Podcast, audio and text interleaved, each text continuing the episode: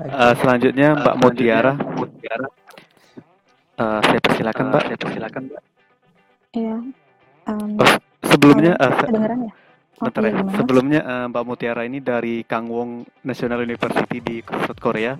Jadi beliau fokus ke science education uh, pendidikannya. Beliau juga pernah aktif di PPI Dunia ya, di radio PPI Dunia. Kalau sekarang saya belum tahu juga di bidang apa. Mungkin nanti beliau bisa perkenalan dulu. Oke, monggo Mbak. Oke, um, terdengar ya semuanya suara saya? Terdengar. Oke, saya mulai ya. Bismillahirrahmanirrahim. Assalamualaikum warahmatullahi wabarakatuh. Waalaikumsalam warahmatullahi wabarakatuh. Iya, uh, tadi sedikit perkenalan uh, saya sekarang lagi kuliah S2 di Kangwon National University di Korea Selatan. Saya juga aktif di PPI Dunia di 2019-2020 ini bagiannya sebenarnya di Pusmedcom uh, di bagian PIC-nya PPI TV, Radio PPI Dunia sama Radio RRI dan masih aktif juga di Radio PPI Dunia. Setiap hari Sabtu saya siaran tadi pagi siaran. Aduh jadi sedikit promosi ini. Anyway ini hari ini saya mau bahas um, saya diberikan kesempatan ya. Sebelumnya saya berterima kasih uh, sekali untuk divisi kajian Komisi Pendidikan di PPI Dunia karena saya juga awalnya nggak nyangka ternyata dijadikan narasumber. Saya pikir saya cuma ikut kajian terus jadi peserta. Tapi ternyata saya dijadikan narasumber yang mana saya merasa saya nggak expert expert banget gitu ya di um, di permasalahan teknologi sebenarnya di permasalahan teknologi pendidikan. Tapi uh, izinkan saya mencoba dan belajar bareng teman-teman semua kali ya. Uh, oke okay, boleh next ke slide berikutnya. Um, jadi um, insya Allah alhamdulillah saya udah udah sidang udah udah tesisnya udah di submit juga. Jadi boleh lah ya sedikit menyantumkan uh, gelar yang saya dapat. Alhamdulillah udah Master of Education.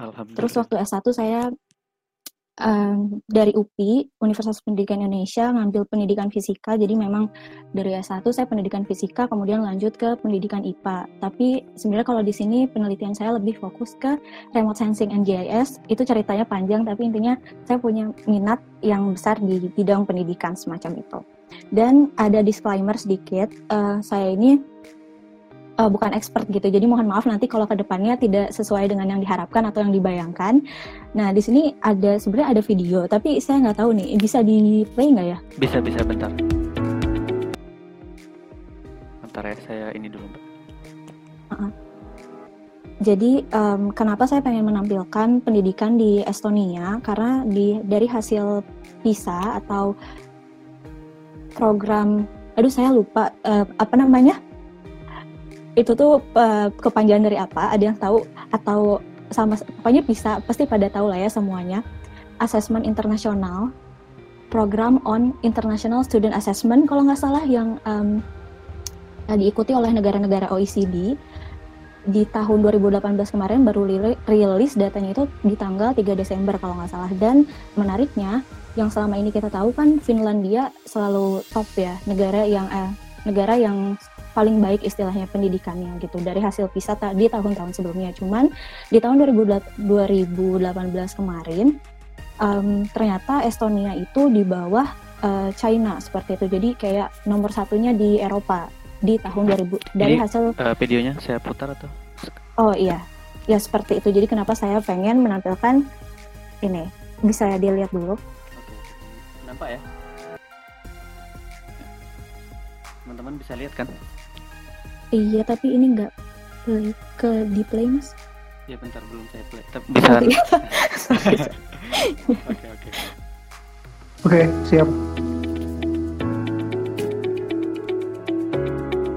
Suaranya kedengaran kan? Uh, nggak kedengeran sih. Enggak. Oh iya, gimana caranya? Tapi yaudah uh, ini aja lah ya, dilihat dulu aja videonya hmm, untuk mengefektifkan waktu juga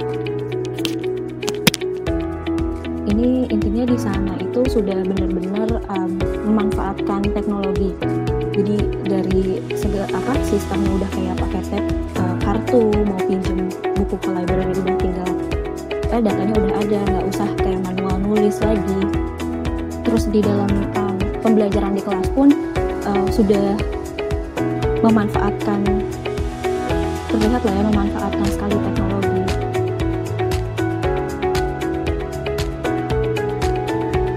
Ada terdengar kayak mas suaranya, cuman nggak terlalu besar ya.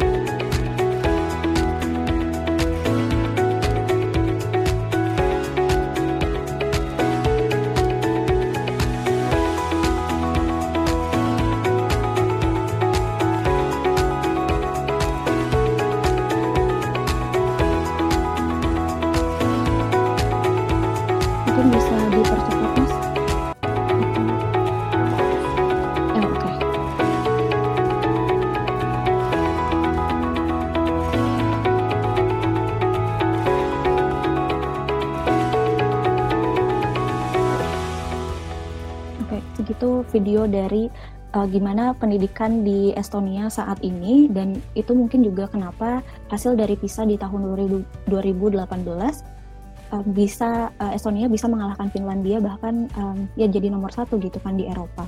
Dan ya kalau yang ini sebenarnya bisa atau nanti saya takut waktunya nggak cukup. Cuman ini apa ya penggambaran kalau video yang ini um, classroom masa depan cuman kalau boleh deh di play dulu aja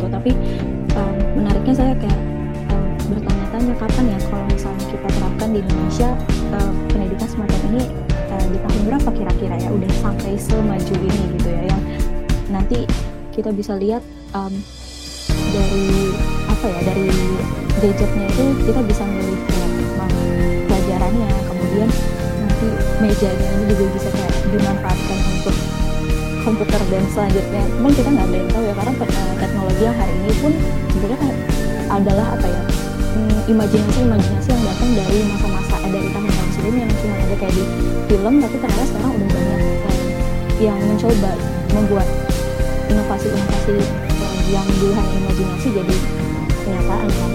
Jadi who knows kan Indonesia juga siapa tahu di masa depan ada uh, punya yang semacam ini kelas di Indonesia. Uh, boleh di next.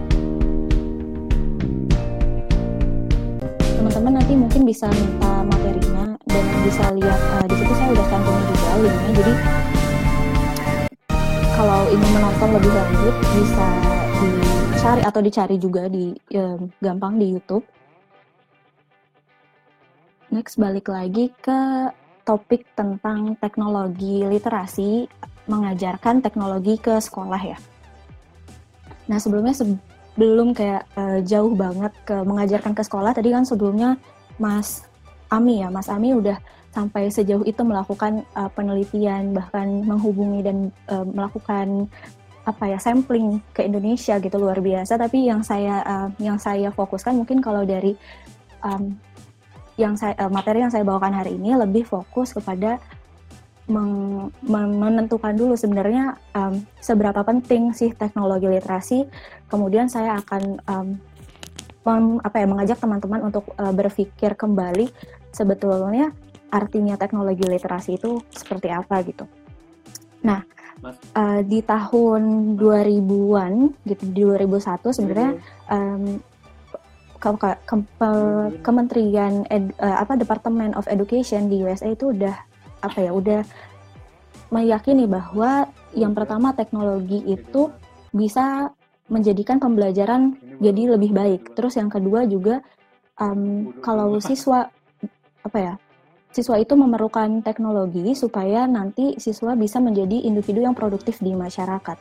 Nah, dari tahun 2000-an itu di 2001 kalau ya di 2001 akhirnya uh, banyak penelitian-penelitian yang kemudian berkembang boleh dilanjut ke slide berikutnya yang menggunakan teknologi dalam pembelajaran di kelas yang mana uh, ternyata hasilnya katanya ada peningkatan yang signifikan atas kualitas dan ketersediaan dan ketersediaan teknologi pendidikan di sekolah, terus uh, dengan kemampuan literasi siswa dan juga gurunya. Ini banyak disebut di penelitian-penelitian yang teman-teman bisa lihat juga, tapi ternyata kalau dari salah satu jurnal yang saya baca, uh, ada sedikit miskonsepsi juga dalam memahami apa sebenarnya teknologi literasi itu. Jadi uh, dari sekian banyak penelitian bilang memang signifikan dengan meningkat apa dengan penerapan teknologi terhadap literasi siswa. Tapi sebenarnya literasinya itu apa? Um, masih frameworknya itu atau kerangka acuannya itu masih beda-beda.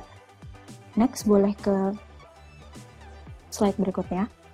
Nah, uh, kalau di Morse Framework di tahun 95 ada yang dikenal dengan Levels of Technology Implementation atau LOTI itu cenderung me, apa ya mengartikan level tertinggi sebagai kemampuan dalam penetrasi uh, maksudnya literasi teknologi itu adalah yang kemampu um, seorang siswa itu atau sudah dikatakan memiliki literasi teknologi yang paling tinggi itu adalah penetrasi penggunaan maaf typo ya dan juga uh, akses terhadap uh, teknologi atau advanced technology tools Padahal kalau kita mengacu pada uh, Bloom's taxonomy, kalau teman-teman mungkin pernah tahu tentang uh, tingkatan-tingkatan um, kognitif siswa atau uh, yang biasanya diacu di Indonesia itu pakainya Bloom's taxonomy juga. Um, outcome tertinggi dari pembelajaran adalah bukan sekedar pengetahuan prosedural atau penggunaan doang kayak yang tadi juga udah di mention ya sama Mas Ami, tapi juga bisa mengevaluasi dan uh, apa apa ya mengevaluasi dari pengimplementasian dan penggunaan teknologi itu sendiri. Uh, kemudian next, ini sayangnya nggak bisa jalan ya ternyata GIF yang saya masukin. Jadi sebenarnya yang tadi itu uh, ada gambar kakek-kakek lagi apa namanya? Uh, kenapa kita bisa har sampai harus mengevaluasi? Karena di situ tadinya tuh video apa? Bukan video GIF gitu. Jadi karena nggak tahu uh, cara pakai teknologi akhirnya kayak uh, si komputernya itu apa ya malah ngilang gitu gara-gara dia delete my computer ke recycle uh, ke apa recycle bin atau gimana terus kayak komputernya hilang. Kayak dia nggak tahu karena um, yang disebut dengan teknologi literasi itu bukan cuma penggunaannya gitu tapi kita benar-benar sampai paham bisa mengevaluasi. Nah gerak. Nah udah gitu sebenarnya kalau teman-teman um, saya tanya gitu ya sebenarnya apa sih yang ada di benak teman-teman ketika dengar teknologi literasi? Mungkin kebanyakan dari kita atau yang tadi terekspos ya dari video yang saya tampilkan lebih kepada hal-hal yang berbau elektronik ya nggak sih? Yang pertama mungkin laptop kalau kita dengar kata teknologi, kemudian internet, terus drone atau VR yang sekarang lagi uh, marak banget gitu ya. Padahal sebenarnya kalau balik lagi ke pengertian dari NRC di tahun 19, uh, 99 teknologi itu adalah uh, segala sesuatu yang um, memudahkan kehidupan manusia gitu ya. Dan di sini dari uh, paper yang saya rujuk uh, Davis tahun 2011 sebenarnya katanya teknologi itu dalam pembelajaran khususnya nggak uh, cuman hal-hal yang uh, berbau elektronik tapi juga yang mekanik untuk yang mana uh, tujuannya ini um, untuk menyelesaikan tugas uh, belajar yang diberikan. Jadi kalau misalnya kita fokus ke Indonesia, gimana teknologi itu bisa membantu um, siswa-siswa di Indonesia untuk memenuhi atau mencapai tujuan-tujuan pembelajaran di dalam kurikulum uh, 2013 tak versi 2017. Jadi lucu ya kalau di Indonesia tuh kurikulum 2012 tapi ada versi yang 2017 ya. Jadi ya gitu kalau teman-teman um, tahu juga soal kurikulum di Indonesia. Uh, tapi lucunya kurikulum di Indonesia ini uh, apa ya beda sama uh, kalau kita ngomongin tes visa yang dari tadi saya mention mention juga yang uh, jadi ada perbedaan lah kenapa pada akhirnya juga mungkin nanti bisa kita diskusi setelah ini kenapa hasil PISA itu uh, Indonesia masih rendah banget karena memang kurikulum di Indonesia beda dengan apa yang menjadi framework di dalam uh, PISA gitu. Nah, kalau di Indonesia sendiri sebenarnya udah kayak apa sih penggunaan teknologi dalam pendidikan di Indonesia itu sendiri. Nah terakhir ada sebuah um, penelitian dari Cambridge Assessment International Education yang uh, bilang bahwa sebenarnya penggunaan teknologi di bidang edukasi di Indonesia itu udah paling tinggi di dunia, di dunia. Tapi saya sebenarnya agak apa ya agak skeptis karena sampelnya cuma 502 orang siswa dan 637 guru. Di mana kalau teman-teman tahu pen, um, jumlah siswa di Indonesia itu sekitar 45 juta. Dan uh, tapi ketika saya baca lebih detail sebenarnya mereka ngambil sampling dari berbagai kota dan mengklaim bahwa ini datanya cukup apa ya sudah mewakili gitu. Cuman saya agak ini sih agak-agak apa ya uh, coba harus kayaknya perlu cari sumber lain lagi lah tentang uh, khususnya penggunaan teknologi untuk pendidikan ya karena kalau tadi dari penetrasi internet itu emang tinggi banget untuk uh, siswa-siswa di Indonesia gitu kan dari 15 tahun sampai 19 tahun tadi juga udah dimention sama Mas Ami emang se, se paling besar gitu kan di dunia. Nah uh, dari hasil Cambridge Assessment ini juga uh, dua per tiga siswa di Indonesia bilang um, menggunakan smartphone di kelas, terus 81 persennya udah uh, menggunakan smartphone itu untuk mengerjakan PR atau tugas. Terus juga penggunaan laptop di Indonesia untuk pembelajaran ya ini hampir nyari sama dengan Amerika. Jadi beda tipis ya, Betty lah ya 84 eh, 84 persen kalau Indonesia. Terus kalau USA sekitar 85 persen gitu. Tapi eh, di Indonesia juga 90 persen guru bilang masih menggunakan uh, alat-alat yang tradisional seperti pulpen, kertas, papan tulis, yang mana menurut saya uh, itu nggak apa-apa gitu. Terus, terus selanjutnya uh, kenapa sih uh, bisa ya kalau oke okay lah saya menerima ya saya kalau misalnya saya nggak skeptis nih sama hasil uh, penelitian dari Cambridge tadi ya karena mungkin bisa di um, bisa kita kaitkan sama hasil APJI tadi ya penetrasi di Indonesia yaitu udah sekitar 143,26 juta orang menggunakan internet di Indonesia.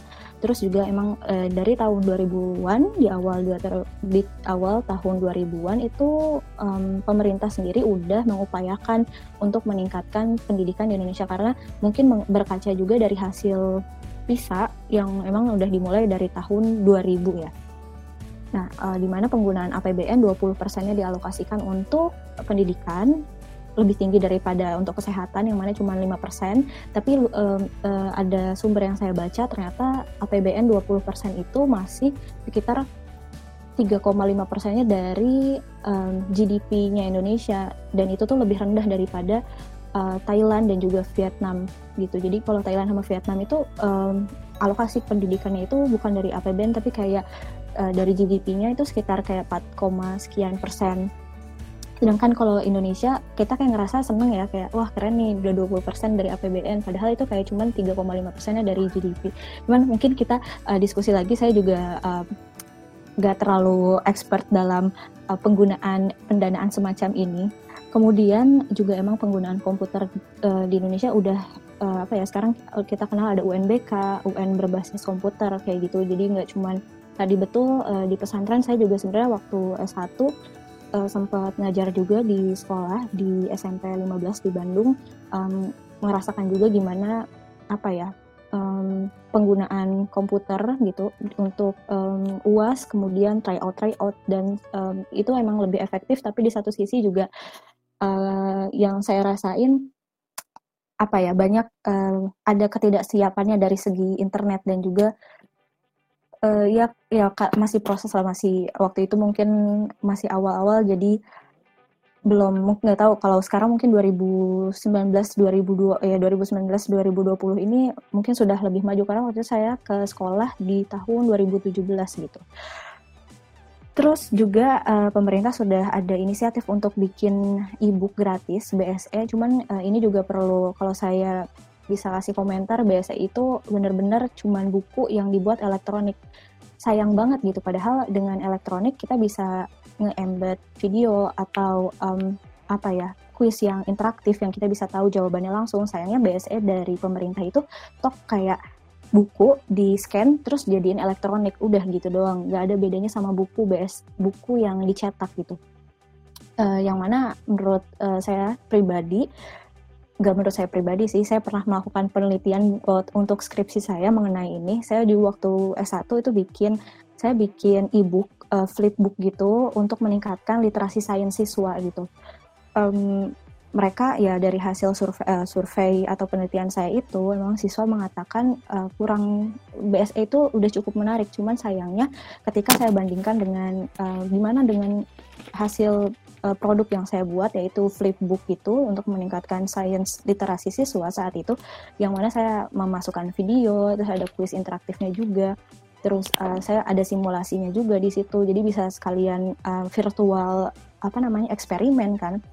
Uh, siswa ngerasa lebih menarik yang semacam uh, yang lebih interaktif ketimbang BSE itu sendiri yang disediakan oleh pemerintah gitu.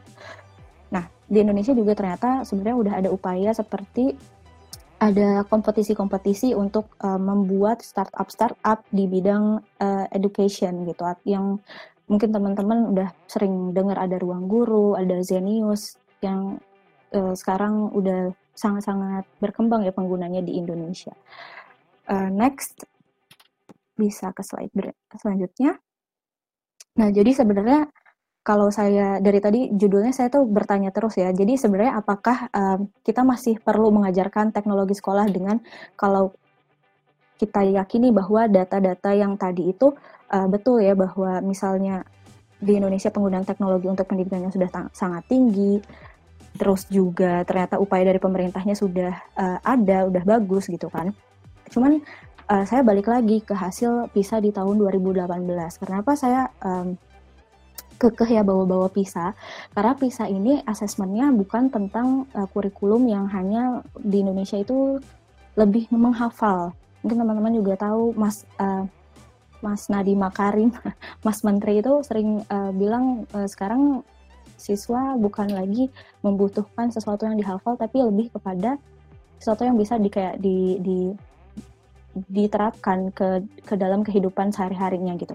Nah, PISA itu uh, frameworknya adalah seperti itu. Jadi mengakses kemampuan literasi yang mana uh, jadi benar gak sih paham siswa akan sains, akan matematik dan juga kemampuan uh, membaca. Jadi tiga aspek ya kalau di PISA itu fokusnya kepada sains, uh, literasi sains, matematik dan membaca dan di tahun 2018 kemarin itu fokusnya ke uh, membaca yang mana sangat um, Indonesia kan kayak sangat rendah ya. Bahkan hasilnya itu sama kayak Indonesia di tahun 2000 lebih buruk daripada 2018 itu dari tiga tahun uh, sebelumnya. Berdasarkan um, ini Revina ini seorang peneliti di um, nanti ada referensinya saya lupa. Jadi yang jelas um, tu, uh, hasil hasil skor pisahnya itu sangat-sangat rendah yang mana kalau menurut Revina ini berdampak pada banyak hal dari dari ketidakmampuan siswa Indonesia yang berumur 15 tahun ini untuk um, membaca atau mengartikan sebuah uh, tulisan di mana uh, apa sih ide utamanya, apa sih kalau kita dulu belajar bahasa Indonesia, apa gagasan utamanya, apa uh, kesimpulannya dari sebuah paragraf gitu. Informasi apa yang bisa kita dapat dari situ tuh kayak ngaruhnya ke banyak hal, bahkan bisa sampai kayak uh, bagaimana seorang siswa itu menjadi produktif atau enggak gitu nantinya terus udah gitu bisa berpengaruh sampai kayak ke ke kemiskinan nantinya gitu kayak e, besar banget hasil apa pengaruh dari ketidakmampuan siswa dalam um, memahami teks atau bacaan gitu. Dan juga uh, saya ngingat lagi ada saya pernah baca sebuah buku um, mungkin teman-teman juga pernah baca 21 Lessons for 21 Century dari Yuval Noah Harari. Um, pendidikan itu yang saya ingat kutipannya pendidikan itu harus mampu menyiapkan siswa menjadi manusia yang bisa beradaptasi dengan segala perubahan di era yang penuh ketidakpastian gitu. Jadi emang bener ya kayak hari ini apa sih uh, cita-cita masyarakat uh, masyarakat siswa di Indonesia kalau ditanya ada yang jadi youtuber, ada yang jadi gamer gitu kan. Jadi udah nggak lagi ngomongin uh, dokter, polisi yang mungkin ada tapi ternyata pekerjaan yang semacam itu juga bisa jadi um, menjanjikan di uh, saat ini gitu dan nggak tahu kita di tahun-tahun yang akan datang lima tahun lagi mungkin pekerjaan akan sangat-sangat bervariasi kan ya. Next. Jadi sebenarnya masih butuh apa enggak saya bisa bilang uh, butuh gitu. Atau teman-teman punya pendapat lain nanti kita bisa diskusi setelah ini. Uh, next. Nah uh, ngomongin soal PISA kenapa rendah banget itu sebenarnya ada dua masalah utamanya yaitu kualitas guru dan disparitas mutu pendidikan. Jadi masih ada gap um, yang sangat-sangat jomplang di, di berbagai daerah di Indonesia gitu. Sedangkan sebenarnya kalau kita ngomongin PISA balik lagi um, kalau di kota-kota besar kayak DKI Jakarta dan uh, Yogyakarta sebenarnya kualitas mereka itu udah sama sama Malaysia dan Brunei. Tapi kalau misalnya kita rata-ratakan dengan semua daerah di Indonesia dari hasil total PISA untuk Indonesia itu sendiri hasilnya jadi sangat-sangat rendah gitu. Karena memang ada disparitas mutu pendidikan dan juga kualitas guru yang uh, kalau dia bilang ada lima hal sebenarnya uh, apa ya kualitas guru yang bikin siswa-siswa di Indonesia tuh jadi terhambat. Yang pertama itu guru tidak memahami kebutuhan belajar siswa. Yang kedua guru sering tidak hadir. Yang ketiga guru cenderung menolak perubahan. Salah satunya mungkin penggunaan teknologi dan juga um, sekarang ini 2017 kurikulum 2013 kan um, memfokuskan untuk student center ketimbang um, teacher center gitu yang mana siswa harus uh, lebih aktif di kelas. Terus yang keempat uh, guru tidak mempersiapkan pembelajaran dengan baik dan yang kelima guru tidak fleksibel dalam proses pembelajaran. Nah, yang nomor lima ini juga menurut saya penting banget dan menantang. Yang saya rasa kayak saya pernah ngajar di sekolah dan itu rasanya sangat-sangat menantang ya kita perlu tahu kondisi siswa dan saat itu misalnya bisa jadi uh, apa ya pemateri yang udah kita siapkan dengan pakai slide atau segala rupa simulasi bisa berubah kalau misalnya ternyata uh, siswanya misalnya uh, ngantuk gitu ya setelah olahraga. Harus kayak apa nih jadi guru?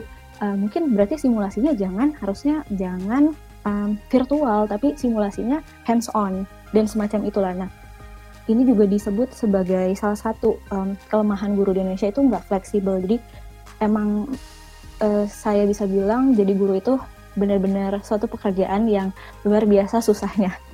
Terus yang selanjutnya gimana sih solusi ke depan? Uh, Usman 2018 bilang teknologi itu bisa jadi jembatan asal. Kalau dari Davis Pratt dan New di tahun 2008, 2008 bilang uh, asal ini teknologi itu harus ada apa ya penyadaran dulu ke siswa nggak cuma untuk uh, alat untuk menyemangati dalam tanda kutip atau menghibur ya untuk sosial media dan selanjutnya tapi harus bisa digunakan untuk uh, membantu tujuan pembelajaran yang diharapkan itu seperti apa gitu. Nah, ini dia yang uh, saya jadi pertanyaan besar juga sebenarnya pendidikan Indonesia itu maunya seperti apa gitu. Karena um, kalau melihat uh, keinginan Pak Nadim, pengennya kita bisa mencapai skor yang tinggi di PISA, tapi sebenarnya kurikulum di Indonesia masih belum bisa benar-benar apa ya uh, kalau kita ikutan PISA lagi berarti tiga tahun lagi 2018 tambah tiga berarti berapa? 2021 itu kayak nggak tahu gitu kan. Padahal sebenarnya lucunya di tahun 2016 uh, eh, sudah ada gerakan literasi siswa eh, sorry gerakan literasi sekolah di seluruh Indonesia. Tapi ternyata uh, GLS ini belum mampu ya kan berarti kalau artinya di tahun 2018 pisahnya ini um, drastis turunnya malah jadi sama kualitasnya. Kayak tahun 2000 uh, dipertanyakan dong berarti GLS ini gerakan literasi sekolah ini belum mampu mendongkrak kemampuan literasi membaca siswa gitu. Karena GLS ini kalau di Bandung sendiri malah ada kompetisinya gitu. Jadi kayak uh, bukan Bandung deh Jawa Barat itu ada kompetisinya kayak siswa itu harus upload dan segala rupa lah pokoknya ke website saya kayak uh, ikut juga ngebantuin siswa saya waktu itu. Tapi ya yang ikutan ya terbatas gitu kan orang-orangnya. Nah kemudian yang selanjutnya saya tadi sempat singgung juga sekarang uh, ini berbagai apa ya aplikasi, aplikasi dan, website dan website yang, yang bisa, bisa diakses oleh diakses oleh atau siswa-siswa cuman ada yang berbayar ada yang gratis gitu dan uh, ini di samping kanan sebenarnya ada seba, uh, kita itu penggunaan teknologi nggak cuman untuk belajar aja tapi juga pengevaluasian yang sekarang artificial intelligence machine learning itu lagi hype banget untuk uh, proses penilaian. Jadi untuk assessment itu kita uh, mungkin di Indonesia memang masih raw score. Jadi cuman oke okay, kita lihat siswa dapat nilai 80 tapi udah gitu doang. Nah, padahal sebenarnya kalau kita pakai machine learning ini di sini kita bisa tahu dari hasil deskripsi uh, esai misalnya jawaban siswa sebenarnya mental model mereka tuh memahami suatu teori itu atau suatu ya suatu teori katakanlah tentang misalnya tentang evolusi apa sih gitu. Itu bisa uh, kita dapat dengan menggunakan machine learning gitu. Di sini ada namanya semantic model network. Kemudian uh, ada lagi yang sekarang lagi berkembang itu rush model analysis. Jadi kayak dari situ kita bisa tahu dan mengelompokkan siswa itu uh, gimana sih tipenya? Dari skor uh, dari apa ya ujian-ujian semacam UN pun sebenarnya bisa kita dapat kalau kita lihat UN kan ya udah skor raw skor doang gitu kayak angka doang. Padahal sebenarnya bisa ditafsirkan ke berbagai um, apa ya insight-insight lain lah dari hanya sekedar um, nilai begitu saja gitu. Nah jadi uh, pertanyaan lagi apakah sebenarnya segala bentuk inovasi teknologi dalam pembelajaran itu harus diterapkan gitu kan dengan sebanyak itu. Nah next.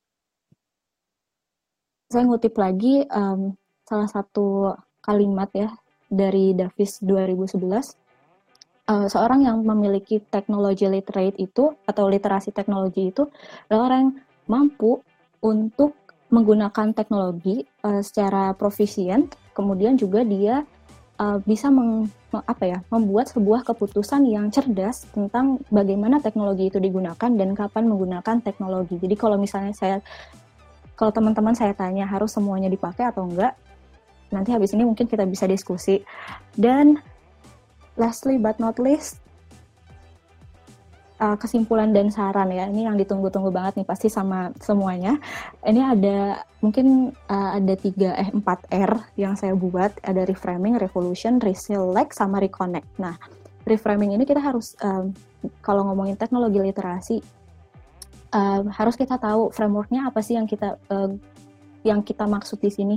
Yang mau diterapin di Indonesia itu framework yang kayak apa untuk penggunaan teknologi dalam pendidikan kemudian revolusi cara pikir pada siswa dan guru untuk mengenai teknologi literasi sendiri kayak ya teknologi untuk pendidikan itu um, berarti kita harus tahu kapan penggunaannya balik lagi dan gimana ngegunainnya uh, apakah efektif untuk pembelajaran misalnya um, eksperimen yang ini uh, bisa dipakai teknologi atau lebih baik uh, kita hands on gitu. Terus udah gitu reselect. Nah, bijak dalam memilih teknologi yang tepat juga antara mekanik atau pakai yang elektronik gitu.